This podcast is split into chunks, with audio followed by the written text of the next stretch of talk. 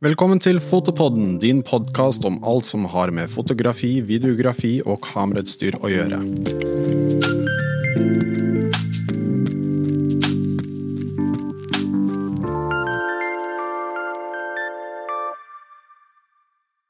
Med tanke på at eh, fremtiden eh, nå om dagen er ganske usikker, så skal vi ta litt tilbakeblikk. Vi skal gå litt tilbake i dag.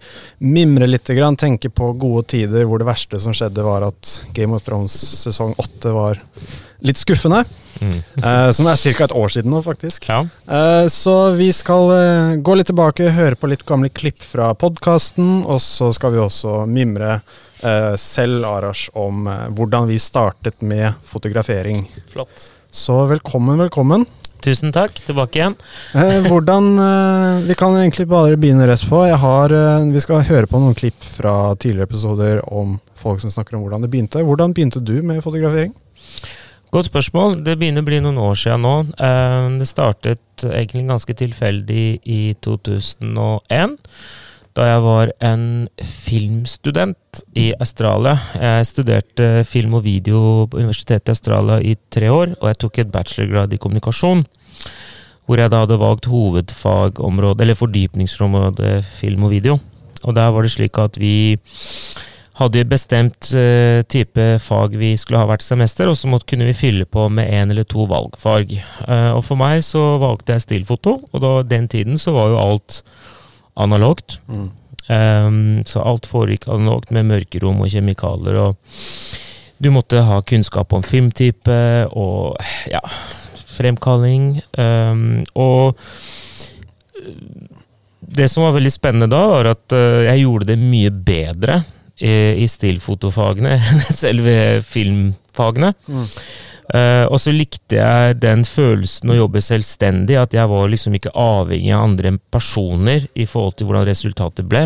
Mens når vi jobba med film og video, så jobbet du jo i en gruppe hvor du hadde en som drev med redigering, producer, uh, regi, ikke sant. Var, og alle disse leddene var veldig avhengig av hverandre, som da preget sluttresultatet. Og hvis én person uh, var litt lat eller slapp, så kunne det prege hele produksjonen.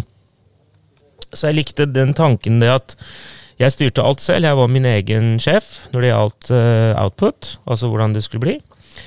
Og karakterene ble alltid bedre uh, i stillfotofag mm. enn video. Og da endte med at jeg faktisk blei igjen ekstra år for å ta nok fag innenfor stillfoto Sånn at jeg fikk en double major, da. At jeg da kom ut med både major i film og video og stillfoto. Og etter det så um, Så bare har det gått i én vei, og det har bare vært fokus på stillfoto. Um, jeg fikk en praksisplass på en fotogalleri i Perth i Australia. Uh, som i, i, den tiden var veldig anerkjent. Jeg vet ikke om det er oppe og går nå. Photo Free heter det. Og der kom det jo mange anerkjente fotografer eh, fra utlandet og Australia, og det var da også jeg så for første gang Leica M6 på mm. skulderen til en veldig kjent fotograf. Forelska første blikk? Definitivt. Jeg falt for det med en gang, bare hvordan den så ut. At det var en firkanta metallkloss som så ut som alt annet enn et kamera der og da, i forhold til japanske kamera. Falt for det, og etter det så har det egentlig bare vært min største lidenskap. Eh, og jobb, da, for jeg jobber jo med salg av fotoutstyr ja. her på foto.no. Hvordan kom du inn i det? Eh, inn i bransjen? Ja. Godt spørsmål. Nei, Jeg hadde jo akkurat flytta til Norge, var ferdig uteksaminert 2004. Desember. Kom til Norge. Jeg eide ingenting, hadde ikke jobba her i tre år. Jeg måtte begynne et sted hadde ikke penger til å få meg eh, eh, depositum til å få meg egen leilighet. Mm. Så det mm. første ting jeg gjorde, var at jeg begynte å gå innom forskjellige fotobutikker for å søke om jobb. Og da endte jeg på Japan Foto på Byporten Shopping. Ja. I to, desember 2004 fikk jeg jobb. Og det var en liten sånn 2004. Fire? Ja. Uh, og det var en sånn gamle veld, veldig gamle dager. Det var en veldig liten butikk, nesten som en kiosk. Um, tror 80% av kundene var eh, fremkallingskunder. Mm. Folk som dumpa eh, film som vi kunne fremkalle, eller vi sendte til Tyskland. da. Var der i to år, jobbet på litt forskjellige avdelinger på Japan Foto, både på Fred Olsens gate, Akersgata og Sandvika. Og så kom jeg i kontakt med Roar Sandvik, Mm. som da hadde akkurat flytta fotovideo eh, i 2007 fra første butikken i Møllergata til den andre som var mye større. Så begynte jeg å jobbe der. Og da har jeg vært med denne reisen eh, hele veien, da. Mm. Til den dag i dag. Ja. Eh, og har da egentlig primært eh, hatt fotooppdrag som biinntekt. Mm. Mens eh, å jobbe i fotobutikk har vært min primærjobb og primærinntekt. Og jobba med Leica også mye. Jobbet med Leica alle år. Jeg eier jo egentlig ingenting. Jeg har jo ikke noe hytte eller uh, noen biler eller båt. Men jeg har uh, Leica-objektiver. Det er liksom der, der alle sparepenga har gått. da. Pluss at du er Panasonic-ambassadør. Det er jeg absolutt. Eh, og det er det noe som skjedde nå um, i fjor. Mm. Um, og det uh, gikk egentlig veldig naturlig, fordi at um, Panasonic-systemet bruker jo samme um, objektivserie som Leica SL. Så det at jeg kan da bruke uh, Panasonic sin overlegen elektronikk med tysk topp kvalitet optikk, så passer det helt perfekt. Da får jeg det beste fra begge verden. Ikke sant? Uh, så jeg gjør det også. Jeg driver mye med musikkfoto, de som kjenner til meg. Uh, og det er jo min største lidenskap, er jo musikk og foto. Så det går veldig hånd i hånd. Og det er det som er veldig fint med faget, er at foto kan jo kombineres med Du kan gjøre alt. alt hva du driver kan- med. Ja. Er du glad i skating, så kan du være skatefotograf. Er du glad i katter, så kan du være kattefotograf. Er du glad i fitness og trening, så kan du kanskje spesialisere deg og fotografere fitnessfolk, bodybuilding. Mat, så Mat, matfotografering. smakfotografering. Det er liksom Det går det, Du kan kombinere med det du brenner for, og det er det som er så fint med det. Ja, ja. Det er en av tingene jeg elsker virkelig med dette faget, er at du møter så mange interessante folk som har så forskjellige lidenskaper, og du får være med og formidle deres lidenskap. Ja. Det syns jeg er virkelig gøy. Absolutt. Og så er det også et fint eh, kombinasjon at det kan alltids være en slags form for sekundærjobb. Det kan Mhm. starte Folk som driver med primært med andre ting, kan ha foto som sin um, største hobby. Ja. Som igjen da kan etter hvert kanskje generere litt inntekt, og så kan det plutselig bli et sekundær biintektjobb, da. Vi har jo jeg skal ikke akkurat navnet i nå, men vi har jo flere kunder som har hatt andre yrker i mange år, som har sakte, men sikkert gått over til å satse på ren foto. Mm. Og det er en fin mulighet og eksempel på hvor fleksibelt det er å kunne jobbe med det. Absolutt. Det gjelder jo å finne sin egen nisje. Det gjør det absolutt. Vi skal uh, høre på et klipp nå som uh, er fra en av de første episodene vi faktisk tok opp, hvor det er Greg Gorman, Riktig. som også begynte først uh, Fant lidenskapen sin med uh, konsertfoto. Mm. Eller hans første uh, Hans første gang han tok bilder, var på en Jimmy Henriks-konsert. Jeg mener, jeg vet ikke om det var klubbkonsert eller om det var på Woodstock, men jeg vet han, han har vært og tatt bilde på Woodstock, skjønner du. Mm. Vi kan høre på det nå. Ja. Do you remember like when you first got into photography? I do. Um, the first time I picked up a camera was in 1968. I borrowed a buddy of mine's camera to shoot a Jimi Hendrix concert, Wow. not having a clue of uh, what the hell to do. And he said, "Oh, shoot Tri-X film. Put it at f5.6, uh, 60th of a second, and you'll get an exposure." And that's what I did. And the following morning, I processed the pictures in his dark room in the basement of his house. And uh, when I saw that first picture coming up in the tray, I was hooked, and it was kind Yeah. of soft focus, and I wasn't sure if it was out of focus because I shot at a sixtieth of a second, or I'd smoked too much dope that night. It was back in the hippie days, the late Yeah, yeah. So that's where it all began. Og som han sier, at han har jo på en måte Han fikk det øyeblikket hvor han bare var hooked Ja. på hele lidenskapen, og resten er historie. Eh, Jeg tror det er sånn for veldig mange. Mm. At eh, de bare finner eh, Det er en sånn naturlig interesse som bare driver dem Ja. på det. Jeg husker i hvert fall at når jeg Da jeg først begynte å bli interessert i dette her, så trodde jeg at de fleste var like interessert i filmer, f.eks. Jeg last så mye filmer, lastet ned mye filmer og sånne ting. Jeg trodde at det var noe alle gjorde. Mm. Fordi jeg skjønte ikke hvordan man ikke kunne være interessert i dette og ikke synes Ja. det var gøy. Og så Mm. fant jeg ut etter hvert at jeg var den største filmnerd på skolen.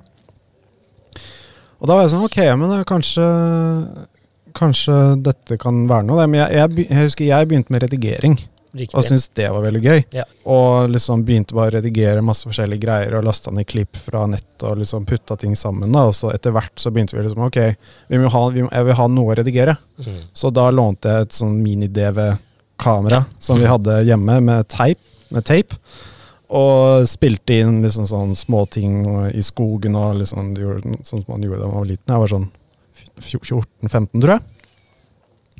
Og fant ut at det var veldig gøy. Og etter hvert da så begynte jeg da å bli den personen som alltid gikk rundt med ett kamera. Mm. Jeg var liksom han ene som alltid hadde et kamera. The cameraman. The cameraman, ikke sant? yeah. Og det var fortsatt det mini-DV-kameraet da, som jeg alltid gikk rundt og liksom, Jeg hadde det alltid i sekken. Ja. Uansett, så jeg filmet alt hele tiden. Og det var også i den Jackass-perioden. Ja. Og jeg var også interessert i skating, så jeg var liksom en Når vi var ute og skata, så var jeg på en måte den som filma, da. Eh, og hadde det, hadde det alltid med meg. Hadde masse bygd og masse tapes etter hvert, som jeg ville liksom ikke slette. Men jeg overførte på PC-en og redigerte ting, og syntes det var kjempegøy. Det blir jo en viktig del av din identitet.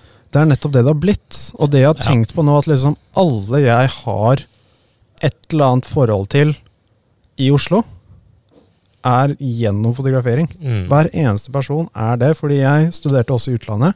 Mm. Kom til Oslo med absolutt ingen kontakter, ingenting, men etablerte meg sakte, men sikkert. Mm. Og hver eneste person som jeg kjenner i Oslo, er pga. fotografering, eller Mm. pga. filming. Ja. Og jeg har sånn, hvis du kan gå gjennom sentrum, så har jeg sånn Der har jeg tatt bilder, der har jeg filmet, der filmet jeg en greie, Mm. der filmet jeg noen maratongreier. Der var et event som jeg tok bilder på. Liksom sånn. Det er så mange historier sånn, da. Og det er veldig, det syns jeg er interessant igjen, at man møter veldig mange interessante folk som man Ja. Alle er lidenskapelige for et eller annet. Alle har den gnisten i øyet når de jobber. Ilds- Ildsjeler, som jeg kaller Det det er for. så gøy. Mm, absolutt. Det er samme som jeg også har opplevd uh, gjennom foto- og musikkbransjen. Ja. Er at uh, jeg, har, jeg har egentlig aldri eh, sett på musikkfoto som jobb. Det har jeg egentlig tenkt det er det jeg er. Mm. For det er det jeg driver med, det er det jeg brenner for, det er det jeg elsker å gjøre. Um, og uh, jeg, jeg, jeg syns det er en privilegium å kunne være med på en historisk øyeblikk på en konsert til et band man er glad i, og kunne få uh, glede av å kunne dokumentere det. Mm. Er liksom, Jeg ser på det egentlig ikke som jobb. Nei.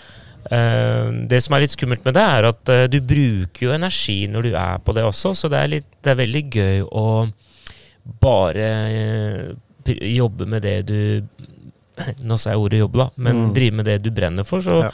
man må passe på litt på også, da, at man ikke brenner seg ut. Ja, ikke sant? for man har en viss mengde energi. Ja, og du vil Det er noen ganger du føler at du ikke har lyst til å gå glipp av muligheter heller, så du sier ja til absolutt alt. Ja. Og plutselig så, så går lunta ut.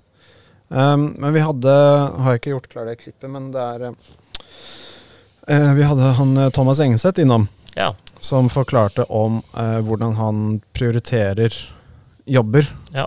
Og det å kunne prioritere jobber basert på hva du syns er gøy, Ja. er et enormt uh, privilegium, syns jeg. Absolutt. Um, og det å kunne liksom Ja, bare ha det som et kriterium, istedenfor for å tenke på penger først eller noe annet først. At du tenker på hva er det som er gøy. Ja, altså jeg tror veldig mange som har valgt å bruke fotografering eller videoproduksjoner som en biinntekt, de har en helt annen tilnærming til å takke ja på oppdrag, for de gjør ikke det nødvendigvis for pengenes skyld. Nei. De gjør det fordi dette er noe de har lyst til å jobbe med, dette er noe de brenner for. Eh, og da får du også litt mer avslappet tilnærming til de oppdragene du takker ja til Mm. enn at du da bare tar tak i, takker ja til alt mulig fordi du er så desperat behov for å betale regningene dine. Så det Men jeg har vært i den situasjonen. Sikkert Ja. også. ja. så det er, jo, det er jo litt sånn forskjellige måter å tilnærme seg faget på, da. Mm.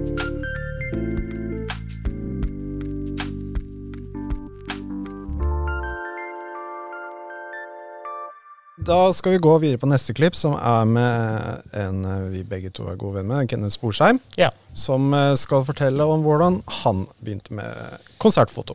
Hvordan begynte du som fotograf? Jeg hadde jo et eh, digitalkamera liggende. En eh, gammel Canon 300D eller noe, tror jeg. I 2006 eller 2007 eller noe sånt. Eh, og jeg har jo kreativ utdannelse, så jeg har alltid hatt interesse for å skape bilder enten med tegninger eller eh, digitalt, eller ta bilder. da. Så det ble bare en hobby. sånn. Det var sånn ute i hagen og knipse litt blomster og bier. og Så gikk en lei etter eh, ti minutter, og så var det å gå inn igjen. Og så var det vel eh, slutten av 2008. Da var det noen kompiser av meg i Trondheim som skulle ha release på debutskiva si. Og de hadde jo ikke budsjettet å hyre inn fotograf. Så de spurte meg fint om ikke jeg kunne ta turen og prøve å ta noen bilder mot å få en øl eller noe. Mm. tenkte jeg kan, jeg kan alltid prøve. Uh, og jeg kjente det allerede første minuttet når jeg begynte å ta konsertbilder, at det var noe som våkna i meg. Og da ble jeg fullstendig bitt av basillen. Mm. Så har det bare gått slag i slag derifra. Fra en liten uh, kjellerscene i Trondheim til uh, reise verden rundt. Og det er litt sånn at uh, Litt sånn leken start, Ja. sånn som man sier. At man bare sier ja, hvorfor ikke, la meg bare prøve. Og som vi går tilbake igjen, at liksom det er bare et eller annet som gjør at du glemmer tid og sted og blir dratt inn. Tilfeldigheter. Ja, det er litt tilfeldigheter, det er det. Men at eh, på starten så er det alltid at du har behov for å være kreativ på en eller annen måte, eller skape et eller annet.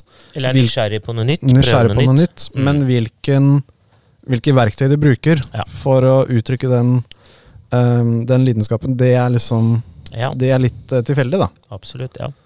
Men jeg husker altså at um, Jeg har alltid vært veldig nysgjerrig på hvorfor folk begynner med det de begynner. Derfor har jeg alltid stille spørsmålet.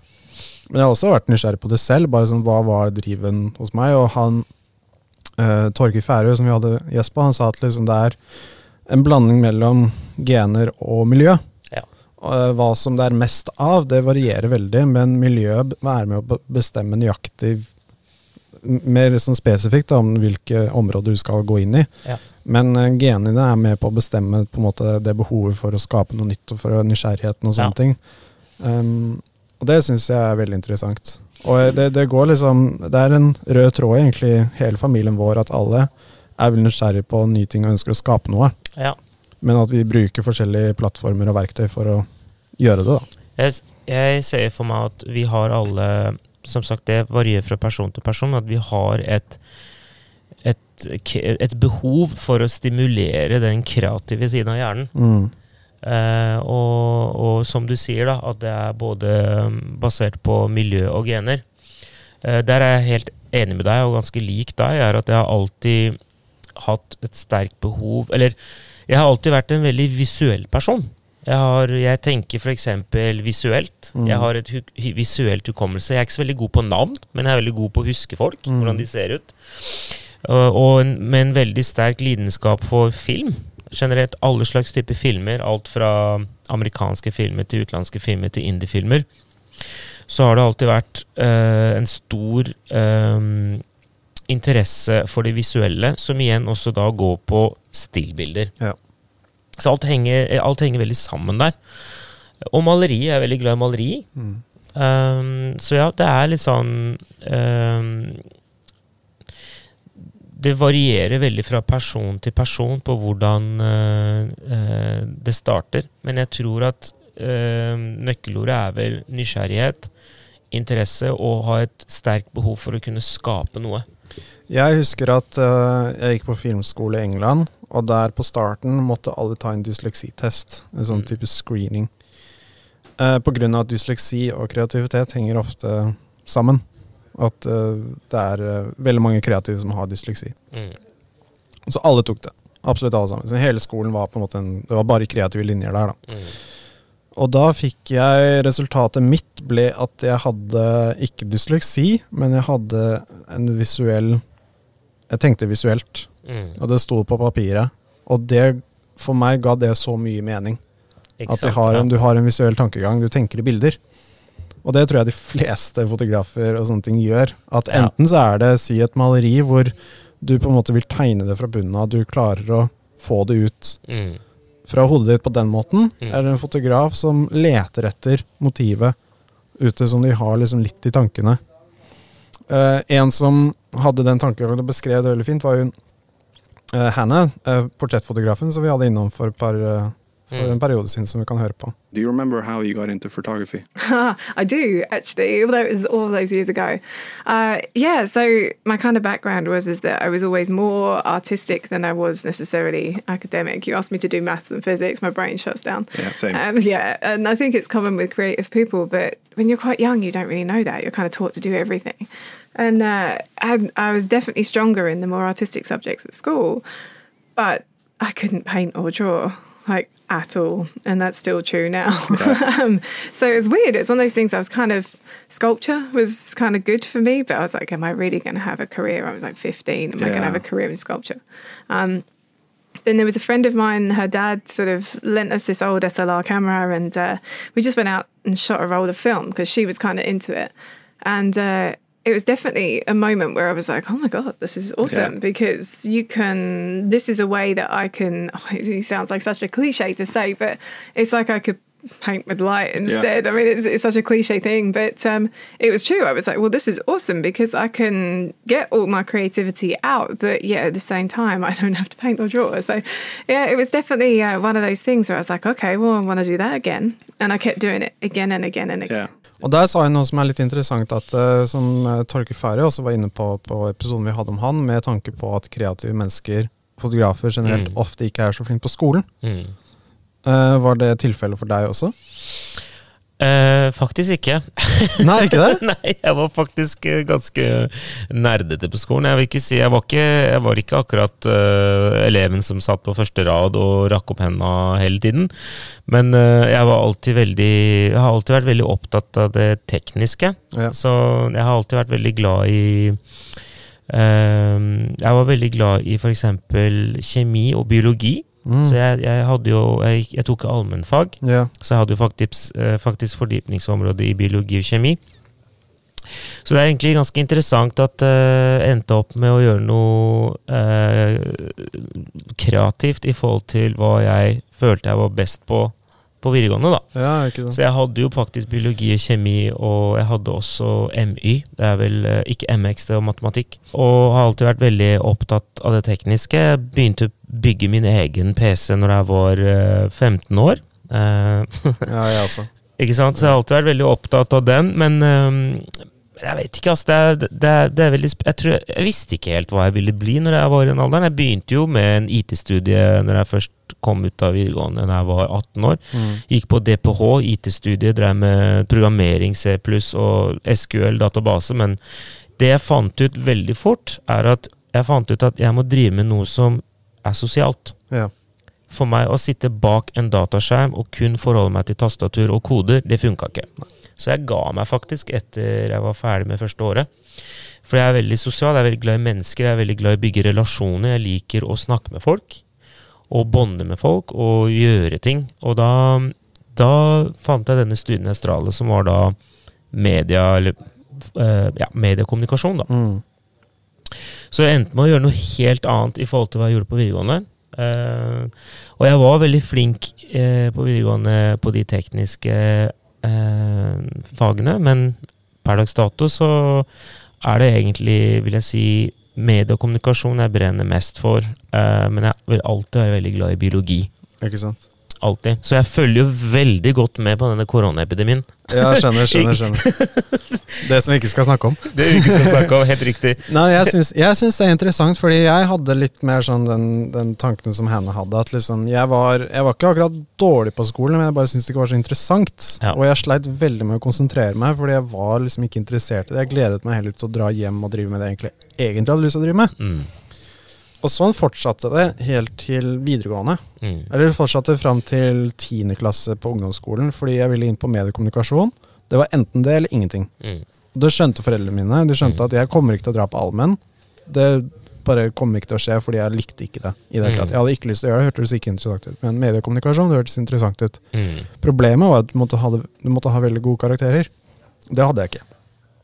Så da kom motivasjonen for å få gode karakterer på skolen, fordi det hadde et mål og en retning og en, et, eh, noe jeg ville. Mm. Og jeg gikk opp fra 9. klasse til 10. klasse gikk jeg opp én eller to karakterer, eller én eller to trinn i, hvert eneste fag. Wow. Så jeg gikk liksom fra to til fire i veldig mange fag, da. Eh, og der var liksom sånn Ok, nå skjønte jeg motivas hva motivasjonen var. Mm. Og da når jeg begynte på videregående, Mm. så var det en helt annen verden. Da var alle var enten datanerder, filmnerder, fotonerder. var liksom Et eller annet som de Mm. var interessert i da, innenfor media. Mm. Og vi fikk lov til å leke oss. Og læreren spurte oss hva vi hadde lyst til å gjøre. Som var første gang jeg hadde opplevd det. i hvert fall. Mm. Så vi fikk liksom bestemme litt selv. og Fint å få den friheten så tidlig, da. Enormt uh, Ja. deilig, fordi jeg visste jo nøyaktig hva jeg ville. Mm. Helt siden nesten barneskolen så visste jeg alltid hva jeg hadde lyst til å drive med. Og så fikk jeg plutselig lov til å drive med dette her på skolen, og du har ressursene tilgjengelig også til å uh, leke deg, rett og slett. Mm. Du kan bare leke deg og ha det gøy. Og det var det vi gjorde. Og på en måte bygde prosjektene rundt det, da, og skrev litt sånn basert på det. Men det var liksom et vendepunkt for meg, da. Og siden den gang så har egentlig det alltid vært målet mitt. Bare sånn her, Sørge for å bare egentlig ha det gøy. Og så lenge som mulig. Og du, at man er litt på lånt tid, Ja. føler jeg, da. Så du vet jo aldri. Det er veldig interessant at du sier det, fordi at eh, jeg merka når jeg gikk på 3D gym mm. siste året, så da innså jeg at uh, fordypningsområdet både i biologi og kjemi ble for mye for meg. Ja. Jeg taklet ikke det. Jeg var veldig interessert i det, men det ble for mye. Så jeg måtte faktisk kutte ut kjemi. Så måtte jeg ta opp noe annet i privat for å kunne eh, Hva heter det? Fylle opp kravet, da. Og da tok jeg faktisk opp eh, mediekommunikasjon. Ja, ikke sant? Så det var min første, min første mm, kontakt med det faget, var da. At istedenfor kjemi, jeg beholdt biologien. Ja. For det var jeg genuint interessert i. Kjemi ble for teknisk. Mm. For mye matematikk. Og da tok jeg mediekommunikasjon på privaten, som jeg da forberedte meg, og det likte jeg veldig godt. Og det var egentlig da første gangen jeg fikk frihet til å kunne gjøre noe kreativt. Mm. Til å være med å skape noe, da. Og likte veldig godt faget, og likte den måten å jobbe på. At du, du får liksom verktøyene, og så skal du bare eh, være kreativ og more deg. Ja. Ikke sant? Og det tror jeg er en veldig, veldig fin måte å kunne utfordre seg selv på i såpass tidlig alder. Ja, og hos folk så er det litt sånn enten-eller. Sånn som jeg kjenner noen som ønsker på en måte at eh, det er ett riktig svar som de skal komme seg fram til. Og så kjenner jeg noen som liker å tolke det på din måte. Det er liksom mm. det man gjør på filmskole og på, Mm. innenfor media og fotografering og sånne ting. Du tolker så du må, du må klare å begrunne hvorfor du har gjort sånn som du har gjort, Mm. og hvorfor du formidler oppgaven sånn som du har formidlet det. Men det er ikke noe riktig eller galt svar. Du må bare være flink til å begrunne det. på en måte. Mm. Mens andre foretrekker det hvor Ok, så lenge du kommer fram til at Mm. dette Så lenge du kommer fram til det som står i fasiten, så er det på en måte greit, da. Vi skal høre på et klipp fra en som også gikk en annen vei litt på starten, men endte opp i fotografering etterpå, som er Marius Viken, og hvordan han begynte. Og var det sånn at med en gang du plukket opp et kamera, så var du frelst, som man sier? Eller var det en Nei. prosess hvor Det er egentlig Hvorfor jeg havna i foto, er tilfeldigheter. Altså, livet skjer. Du vet jo aldri hva hvor, hvor, hvor du ender. Men når jeg var 13, så var det rockestjerne jeg skulle bli. Når jeg var 16, så var det elektriker. Så jeg har egentlig bakgrunnen som elektriker. Og under elektrikerstudiene så jobba jeg på Lefdal, og så kjøpte jeg meg et kamera. Så eh, begynte jeg å ta litt bilder, og så Siden jeg eh, var musiker, så hadde jeg eh, mye kontakter i musikkbransjen, og endte egentlig opp med å ta bilder av, eh, av lokale band i Haugesund, som jeg er fra, og mye på konserter. Fordi jeg jobba som bartender på siden. Eh, Ja.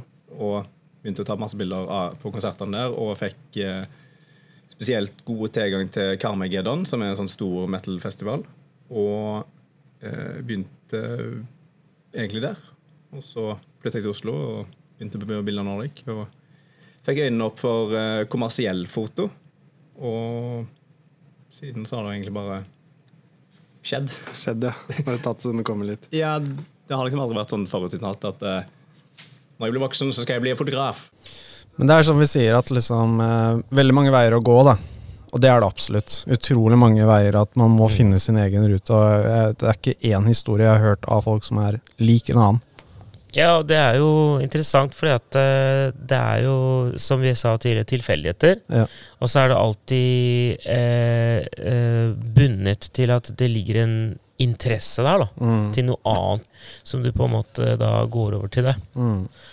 Så det er jo det er det som er så fint med faget fotografi. Det er liksom Det er der for deg alltid, og det har eksistert i veldig, veldig, veldig veldig, veldig mange år. Eh, før vi begynte å fange lys, Mm. eh, så malte vi. Så det et still-bilde, eller et, et frame eh, med innhold, det har jo eksistert egentlig så lenge som vi mennesker har begynt å skape, Mm. vil jeg si. Nå ble jeg litt abstrakt her.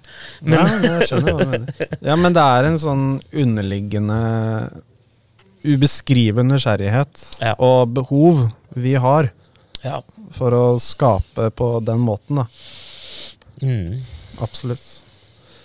Nei, men jeg, eh, Det er jo Som sagt, vi kan egentlig bare konkludere med det, at det er veldig mange veier å gå. Hvis du ønsker å starte med fotografering, så er det aldri for seint. Mm.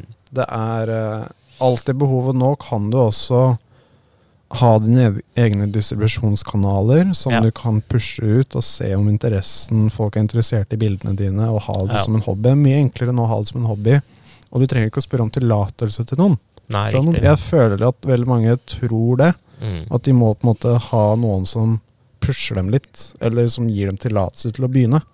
Men det er jo ikke casen i det hele tatt.